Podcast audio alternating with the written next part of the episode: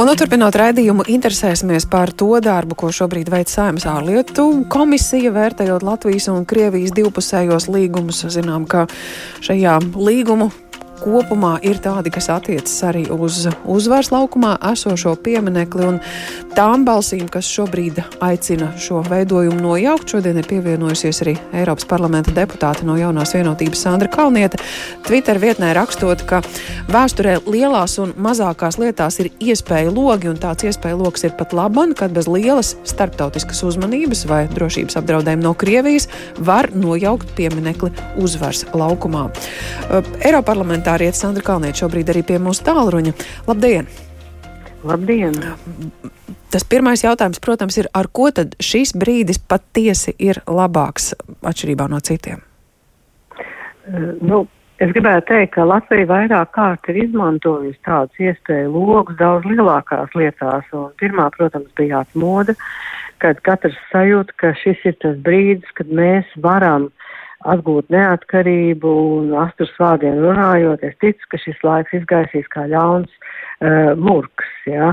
Un uh, otrs tāds iespēja loks mums pavērās uh, ceļā uz integrāciju Eiropas Savienībā un NATO, tāpēc, ka pēc Kosovas krīzes un islāma teroristu uzbrukumu Pasaules izniecības centram Ņujorkā un Pentagonam Vašingtonā, tā svēršana pēc tehniskiem kritērijiem atvirzījās otrā plānā un uh, tika pieņemts politisks lēmums paplašināt Eiropas Savienību un NATO, uh, kur arī Baltijas valstis uh, ietilp šajā uh, būtiskajā brīdī. Ir arī lietas, uh, ko mēs, piemēram, neizmantojām. Tāds iespēja loks bija pēc 4. māja. Kad mēs varējām uzreiz uh, pieņemt likumu par izglītības reformu, ka pakāpeniski uzrakstot, kādā veidā izglītība pāries uz latviešu valodu.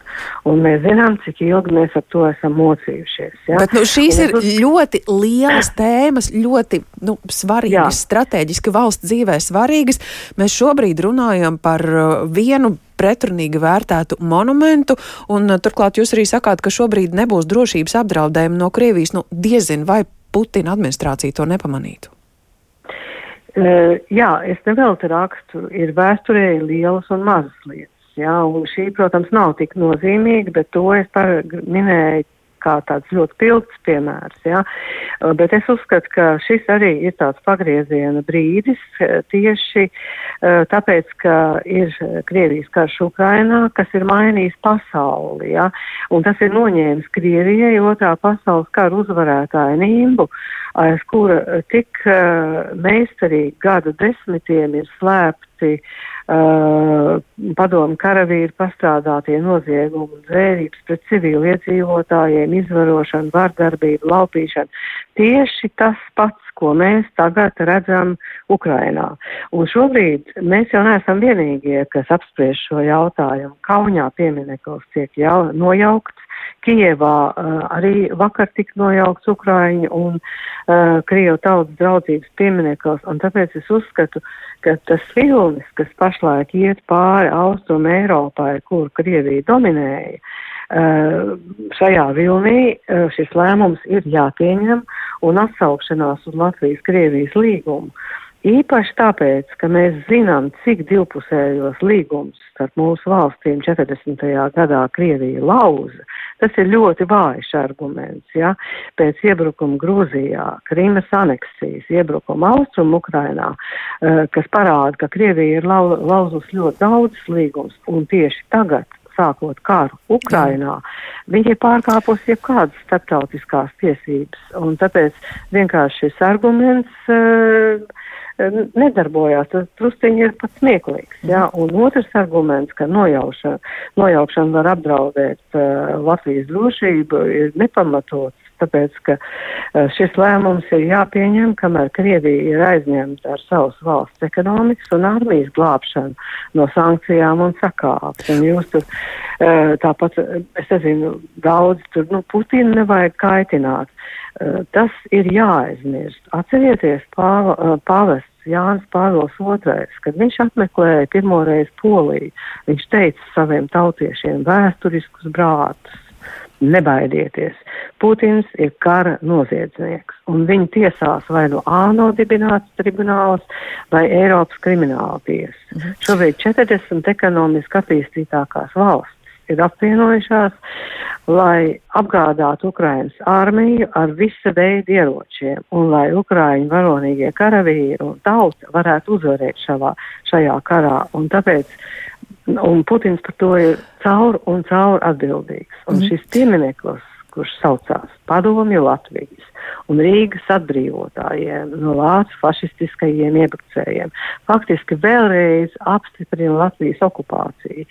Jo šie atbrīvotāji jau neatbrīvoja, bet gan paliekot, turpināja īstenot Staļina režīma represijas, filtrācijas nometnes pretestības kustības dalībnieku nogalināšanu. Tās, tās ir atziņas, ko, ko arī lietuvieši min, tā skaitā par, par to Krievu karavīra monumenta no demontāžu Kauņas kapsētā. Jā. Uh, par mūsu pašu jautājumiem, kuram būtu jāpieņem lēmums par šī pieminekļa nojaukšanu, ja tāds tiek pieņemts? Nu, Rīgas uh, doma ir tā, kas atbild par šī pieminekļa uh, kopšanu un uzturēšanu. Ja? Uh, vai no ministra kabinetam vai saimai. Un, uh, es domāju, ka tas ir jādara uh, drīz, uh, kamēr šis vilnis ir spēkā, jo bāžas par to, ka lūk šo pieminekļu nojaukšana mm, tā varētu traucēt saliedēt politisku nāciju. Nācija nevar, politiskā nācija nevar saliedēties ap vilceltiem vēstures faktiem. Bet tik un tā ir Latvijā daļa sabiedrības. Tādu vai citādu iemeslu dēļ tā ir vieta, kas nu, šobrīd ietilpst viņu identitātes jautājumu kontekstā. Nav runa tikai, kā mēs neredz skatāmies uz 9. māju un to iemeslu, kādēļ cilvēki tur, tur dodas. Tas ir daudz plašāk skatāms jautājums. Kā mums par šo lietu sarunāties un to skaidrot tai mūsu sabiedrības daļai, kam tā ir svarīga lieta un vieta?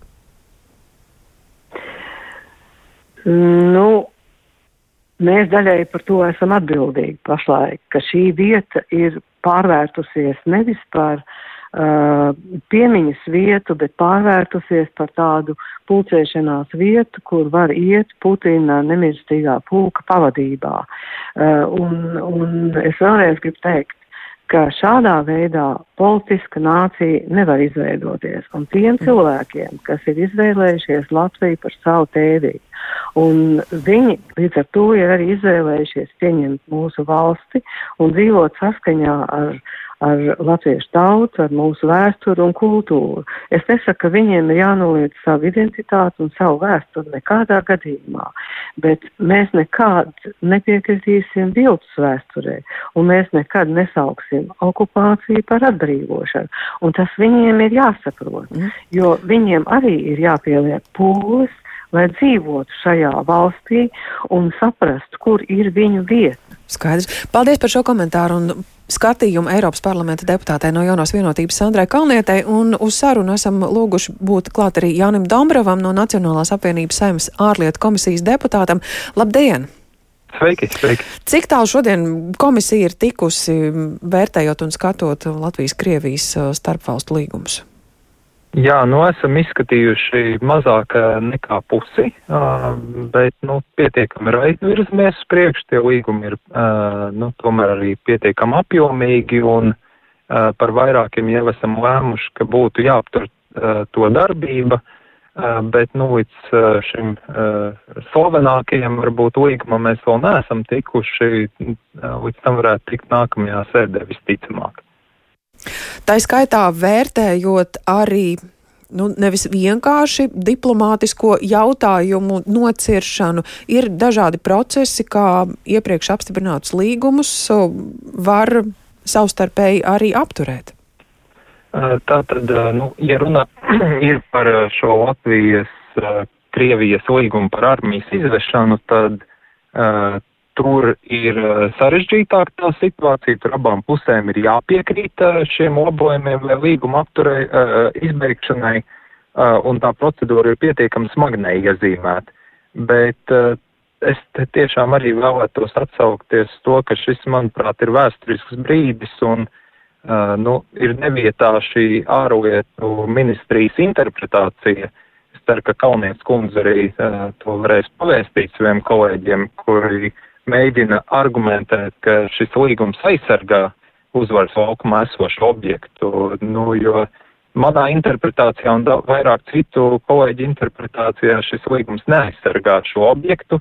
Tas nekur nav minēts, izņemot uh, vienā uh, notā, kur arī ļoti apšaubām. Uh, un tāpēc uh, nu, mēs šobrīd gaidām, ka tieslietu ministrija beidzot uh, uh, valdība apstiprinās informatīvo ziņojumu par konkrētu uh, konkrētiem veidiem, konkrētu šo juridisko argumentāciju, ar kuru mēs varam šo objektu uh, demontēt. Un es domāju, ka tas ir tik tiešām jāizdara, nu, pat uh, nevis tur tuvāko mēnešu, bet uh, nedēļu laikā.